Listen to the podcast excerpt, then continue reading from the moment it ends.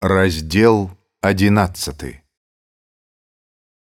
У той самы вечар, гадзін каля дзесяці, я ляжаў, схаваўшыся ў здзічэлым невысокім бэзе і высокай траве, якраз каля паваленай агароджы. Настрой бясстрашнасці яшчэ непадзельна валодаў мною. Ён так і не знік да канца майго прабывання ў балотных ялінах.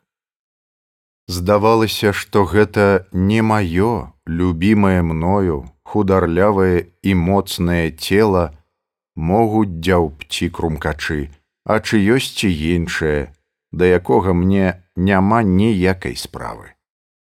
А між тым абставіны былі невясёлыя.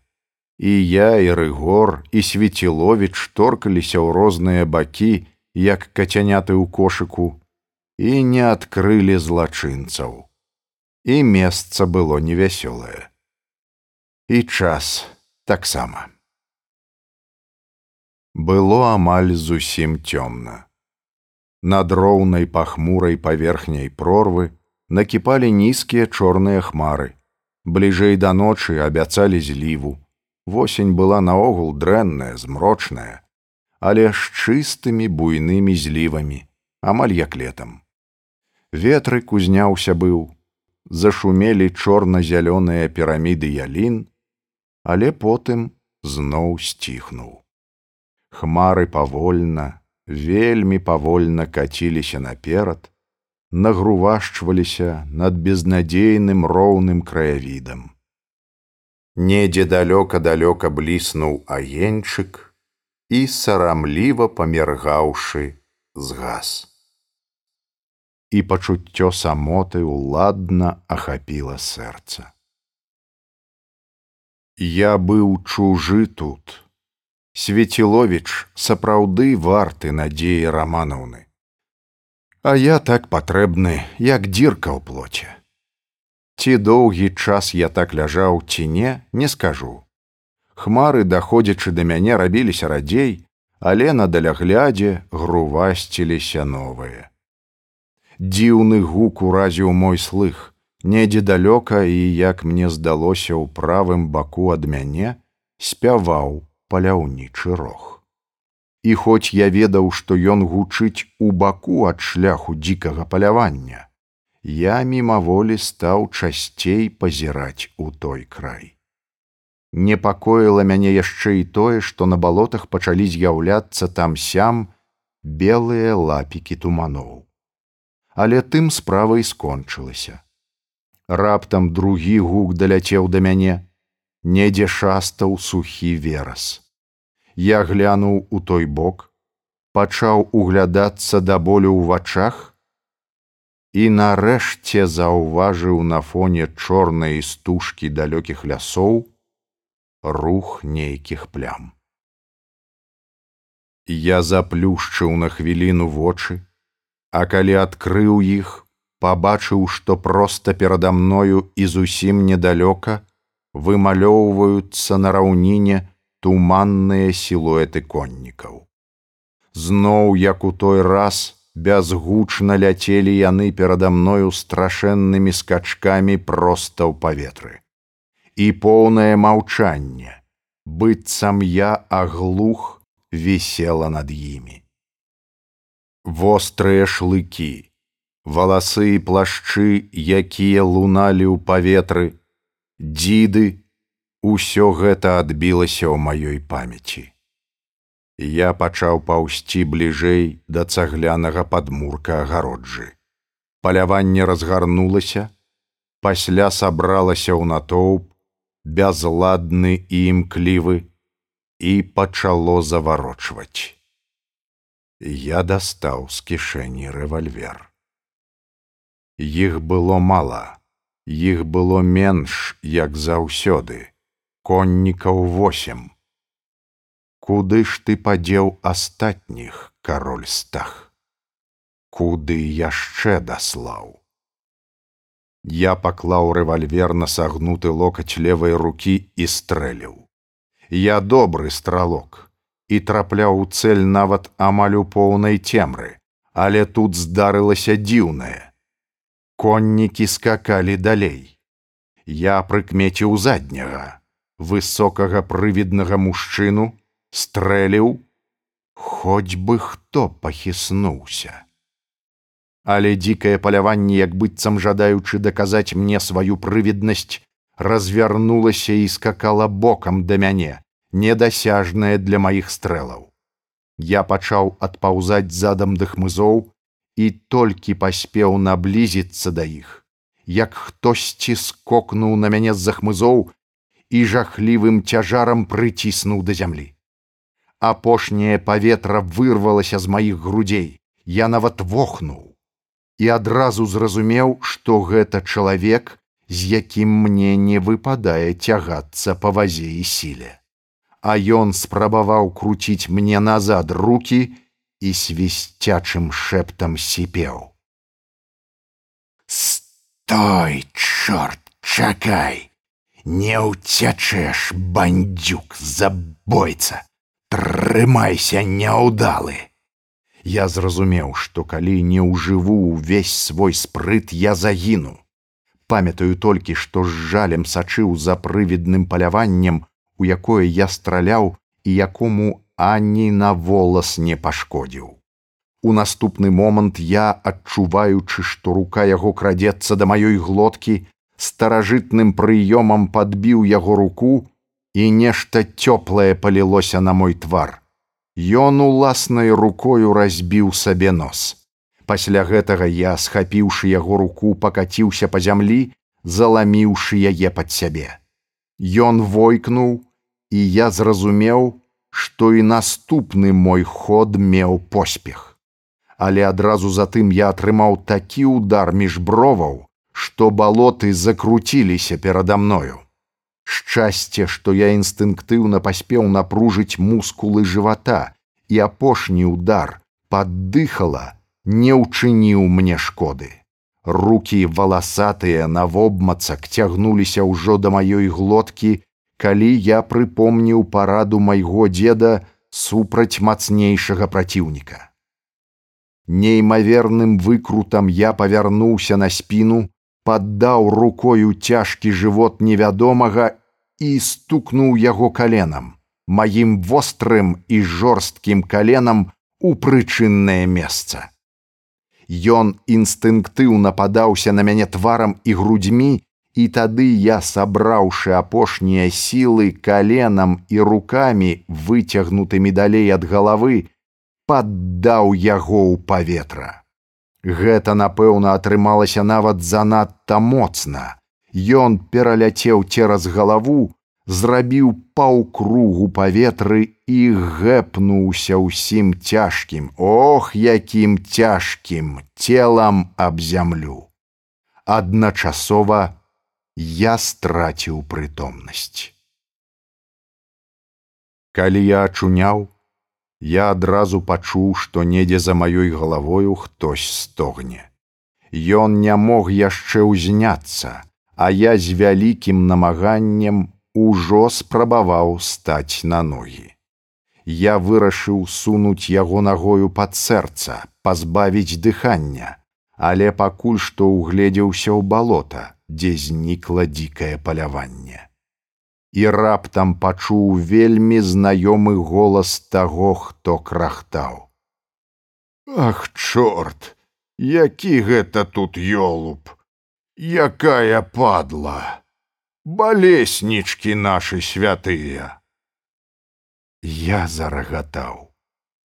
Той самы голас адазваўся.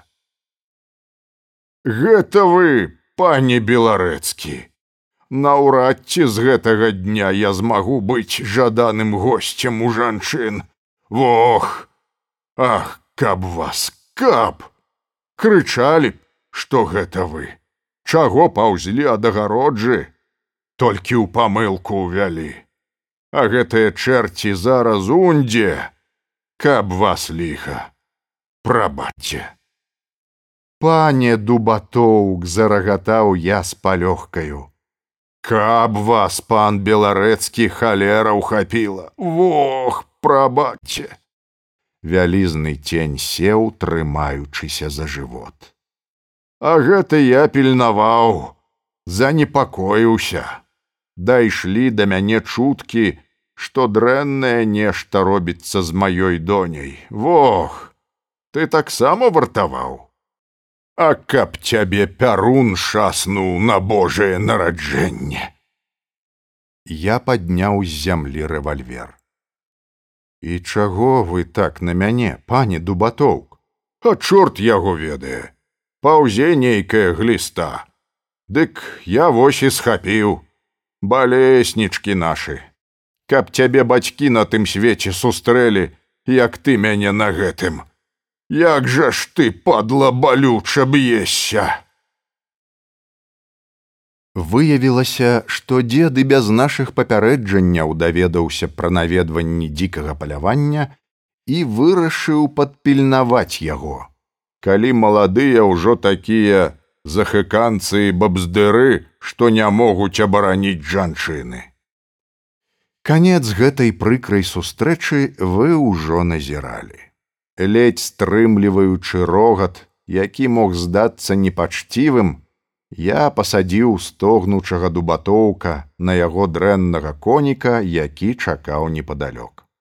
Ён узлез на яго, стогнучы і клінучы свет, сеў бокам, буркнуў нешта накшталт, д'ябал пацягнуў са зданнямі змагацца, нарваўся на дурня з вострымі каленямі і паехаў.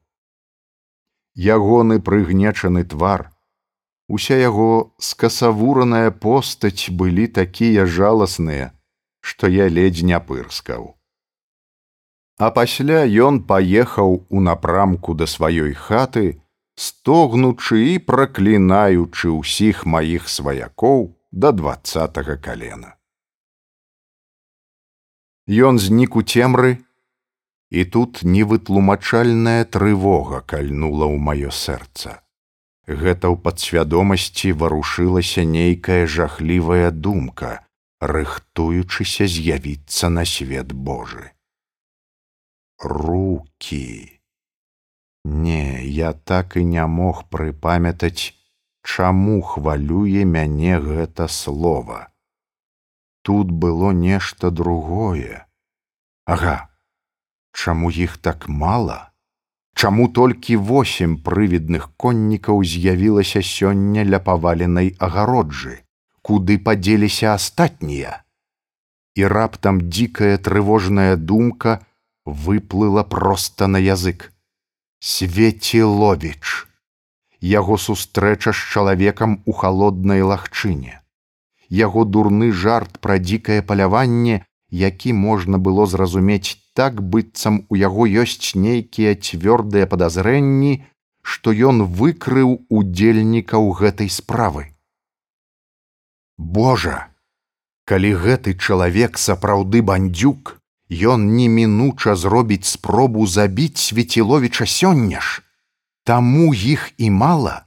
Напэўна, другая палова накіравалася да майго новага друга, а гэтыя да балотных ялін. Можа, яны размову нашу бачылі. Мы ж як дурні стаялі сёння над урвішчам. Ох, якую памылку, калі ўсё гэта так зрабіў ты, Андрэй Свецілович, не расказаўшы нам, хто быў гэты чалавек. Я разумеў, трэба спяшацца.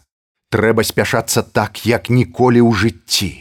Можа, я яшчэ паспею поспех нашай справы і жыццё добрай юнацкай душы залежалі ад хуткасці маіх ног. І я пабег так, як не бегаў нават у тую ноч, калі за мною гналася дзікае паляванне караля стаха. Я ўзяў на цянькі праз парк, пералез у адным месцы праз агароджу і прыпусціўся бегчы да хаты свеціловіча. Я не ляцеў як шалёны Я добра ведаў, што мяне не выстачыць на ўсю дарогу, а таму бег размерана прыціснуўшы локці да бакоў. Трыста крокаў бягом, як толькі магчыма хутка, 50 крокаў хуткай хадою. Так я вырашыў. І я прытрымліваўся гэтага, хоць сэрца маё пасля першых дзвюх вёрст здатна было выскачыць з грудзей. Пасля пайшло лягчэй. Я бег і ішоў амаль машынальна і толькі павялічыў норму бегу на 400 крокаў. Шлёп, шлёп, шлёп, і так 400 разоў, топ, топ, топ, 50 разоў. Туманныя, амаль незаўважаныя мной праплывалі міма самотныя яліны і верас, у грудях балюча пякло, свядомасць амаль не працавала. Пад канец я лічыў крокі машынальна. Я так стаміўся, што з радасцю лёг бы на зямлю, або хоць павялічыў колькасць такіх спакойных і прыемных крокаў на два. Але я сумленна змагаўся са спакусаю. Так я прыбег да свеціловічавай хаціны, маленькага пабеленага будыначка ў чэзлым садзіку. Проста па пустых градах, душачы там сям апошнія капусныя качаны, я памчаў да ганка ўпрыгожанага чатырма драўлянымі калонамі і пачаў барабаніць у дзверы. Спакойны агенчык у крайнім акне заміхцеў, пасля старэчы голас спытаў з-за дзвярэй. Каго гэта тут носіць? Гэта быў стары дзед былы дядзька які жыў разам са свеціловічам адчыні кандрат гэта я беларэцкі а божа ж мой а што здарылася? Чаго так захэкаліся? Дзверы адчыніліся. Кандрат у доўгай кашулі і валёнках стаяў перада мною трымаючы ў адной руцэ стрэльбу а ў другой свечку. Пан дома лихаманкава спытаў я. Няма спакойна адказаў ён. А куды пайшоў? А скуль мне ведаць? Хіба ён дзіцёнак пане каб казаць куды ідзе вядзі ў пакой грымнуў я знерваваны гэтай холоднай непарушальнасцю. На што можа ён пакінуў нейкую запіску? Мы ўвайшлі ў пакой свеціловіча аскетычны ложак пад шэрай коўдраю, вымытая да жаўцізны і нацёртая воскам падлога кілім на ёй. На простым сасновым стале некалькі тоўстых кніг, паперы, раскіданыя пер'і. На сцяне партрэты, гравіраваны марата ў ванне, паражонага кінжалам, алоўкам каліноўскага. На другой сцяне карыкатура, мураўёў з бізуном у руцэ стаіць на кучы чарапоў. Яго бульдожы твар грозны. Каткоў, нізка схіліўшыся, ліжа яму зад. Я пераварушыў на стале ўсе паперы, але ў запале нічога не адшукаў, акрамя аркуша, на якім рукою свеціловіча было напісана: Няўжо ён. Я хапіў пляцёнку для папер, і высыпаў яе на падлогу. Там нічога цікавага, толькі канверт з шурпатай паперы, на якім лёкайскім почыркам было напісана Андрусю свеціловічу. Былі сёння пану якія лісты, спытаў я ў конча здзіўленага кандрата. Быў адзін, я знайшоў яго пад дзвярыма, калі вярнуўся загародчыка і аддаў вядома. Ён быў не ў гэтым канверце. Чакайце, ну вядома, так, А дзе сам ліст? Ліст, д'ябал яго ведае, Хіба можа ў петцы? Я кінуўся да печкі, адчыніў дзверцы, адтуль шыбанула не вельмі гарачым духам я пабачыў ля самых дзверцаў маленькі лапік белай паперы. Схапіў яго. Почырк быў той самы, што на канверце. Шчасце тваё, чортава душа, вылаяўся я, што ты рана вытапіў печку. Але гэта было яшчэ не зусім шчасцем. Паперка была складзена ўдвая, і той яе бок што быў бліжэй да жарынак, зараз ужо ўкрытых шэрым попелам стаў зусім карычневым. Літар там нельга было разабраць. Андрусь, я даведаўся, што ты цікавішся дзікім паляваннем. Ха, надзеі раманаўне небяспека, моя до тут быў выпалены асабліва вялікі кавалак. Кутавае. Сёння я размаўляў з панам беларэцкім. Ён згодзен, пайшоў у павет, дрыганты гало, к. Калі атрымаеш ліст, адразу прыходзь да Ніны, дзе тры асобныя хвоі. Я і беларэцкі будзем чакаць ічкіна, што гэта коіцца надзя, прыходзь неадменна. Ліст спалі, бо мне асабліва небяспеч, тв ся над імі таксама жахлівая небяспека, якую можаш папярэдзіць толькі ты. Зноў выпалена многа. Оць. Твой добразычлівы лікол. Справа была яснай. Хтосьці прыслаў ліст, каб выбавіць свеціловіча з хаты. Ён поверыў. Відаць, той, хто пісаў, быў яму добра знаёмы. Тут замыслілі нешта езуіцкі вытанчанае. Калі ён не пайшоў да мяне, напісалі, што размаўлялі са мною, што я пабегу павет, што я буду чакаць яго недзе ніны, дзе тры асобныя хвоі. Што гэта за ніны, да лагчыны, да раўніны, марудзіць не было калі. Кандрат, дзе тут непадалёк на раўніне тры асобныя хвоі. Ляд яго ведае, задумаўся ён. Хіба што толькі ля волатавай прорвы, там стаяць тры вялізныя хвоі. Гэта там, дзе коні караля стаха, кажуць людзі, ускочылі ў дрыгву. А што такое? А тое, што над панам Андрэем жахлівая небяспека. Даўно ён пайшоў. Ды не, напэўна, гадзіну таму. Я выцягнуў яго на ганак, і ён ледзь не плачучы, паказаў мне шлях да трох хвой. Я загадаў яму заставацца тут, а сам пабег. Я не ішоў на гэты раз, перамяжаючы бег. Я ляцеў, я імчаў я выкладваў апошнія сілы як быццам хацеў там ля трох хвой упасці мёртвым. На хаду я скінуў куртку шапку выкінуў з кішэняў залаты партабак і кішэнькавае выданне данта якое заўсёды насіў з сабою. Бегчы стала трохі лягчэй. Я скінуў бы нават боты каб для гэтага не трэба было затрымацца. Гэта быў шалёны бег Па маіх разліках я павінен быў дабегчы да хвой хвілін на двадцать пазней друга. Жах, адчай, нянавісць давалі мне сілы. Вецер, які ўзняўся раптам, падштурхваў спіну.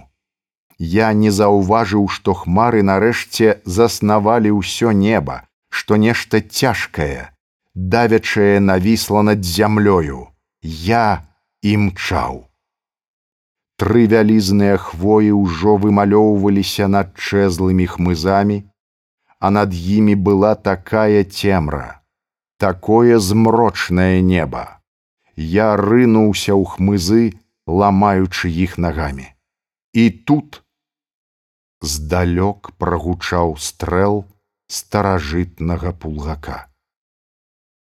Я крыкнуў дзікім голасам, і як быццам у адказ на мой крык цішыню ночы раздзёр шалёны тупат конскіх капытоў. Я выскачыў на паляну і пабачыў далёка ценей дзесяці коннікаў, якія на поўным намёце паварочвалі ў хмызы. А пад соснамі я пабачыў чалавечую постаць, якая павольна, вельмі павольна асядала на зямлю пакуль я дабег туды чалавек упаў да гары тварам і шырока раскінуўшы руки, як быццам жадаў целам сваім прыкрыць сваю зямлю ад куль. Я паспеў яшчэ стрэліць некалькі разоў у бок уцякаючых коннікаў. Мне здалося нават, што адзін з іх пахіснуўся ў сядле, але адразу за гэтым выбух нечаканага гора зваліў мяне на калені поруч з ляжачым чалавекам. Брат, брат мой, брат. Ён ляжаў перада мною зусім як жывы. І толькі маленькая ранка, з якой амаль не цякла кроў, гаварыла мне жорсткую непапраўную праўду. Куля прабіла скронь і выйшла ў патыліцу. Я глядзеў на яго, на гэта бязлітасна загубленае маладое жыццё. Я ўчапіўся ў яго рукамі, зваў, тармасіў і выў, як воўк, як быццам гэта магло дапамагчы. Пасля сеў, узяў яго галаву на калені і пачаў гладзіць валасы. Андрусь, Андрусь, прачніся, прачніся, дарагі. Мёртвы, Ён быў прыгожы нейкай вышэйшай, нечалавечай прыгажосцю. Твар закінуты, галава павісла, і стройная шыя, як выразьбленая з белага мармуру ляжала на маім калене. Доўгія светлыя валасы пераблыталіся з сухой жоўтай травою, і яна лашчыла іх. Рот усміхаўся, быццам смерць прынесла яму нейкую разгадку жыцця. Вочы былі мірна закрыты, і доўгія веі зацянялі іх. Рукі, такія прыгожыя і моцныя, што жанчыны маглі б цалаваць іх у хвіліну шчасця, ляжалі ўздоўж цела, як быццам адпачывалі. Як скарбячая маці сядзеў я, паклаўшы на калені сына, які прайшоў пакуты на крыжы. Я выў над імі і кляў Бога, бязлітаснага да свайго народа, да лепшых яго сыноў, Божа, Божа, усемагутны, усяведны, каб ты знік адступнік, які прадаў свой народ. Нешта бабухнула надо мною, і ў наступны момант цэлы акіян вады, жахлівая зліва абурылася на балоты і пусткі, на загублены ў лясах край. Стагналі пад ім яліны, прыгіналіся да зямлі. Ён біў мне ў спіну, якою я закрыў твар мёртвага, выў, наўскос парывамі паласаваў зямлю. Я сядзеў як звар'яцелы не заўважаючы нічога. Словы лепшага чалавека, якія я чуў некалькі гадзін таму, гучалі ў маіх вушах. Сэрца маё баліць, ідуць гінуць, блытаюць, бо сорам настаяць і не ўваскрэснуць пасля распяцця. Але думаеш, усіх перадушылі? Гады, гады наперадзе. Якая залатая, якая чароўная далячынь, якая будучыня чакае. Сонца. Я застагнаў. Сонца закацілася за хмары. Будучыня, забітая і халадзеючая пад дажджом, ляжыць тут на маіх каленях. Я плакаў. Дождж заліваў мае вочы, ліўся ў рот. А руки мае усё гладзілі гэту залатую юнацкую галаву. Радзіма моя, гаротная маці, плач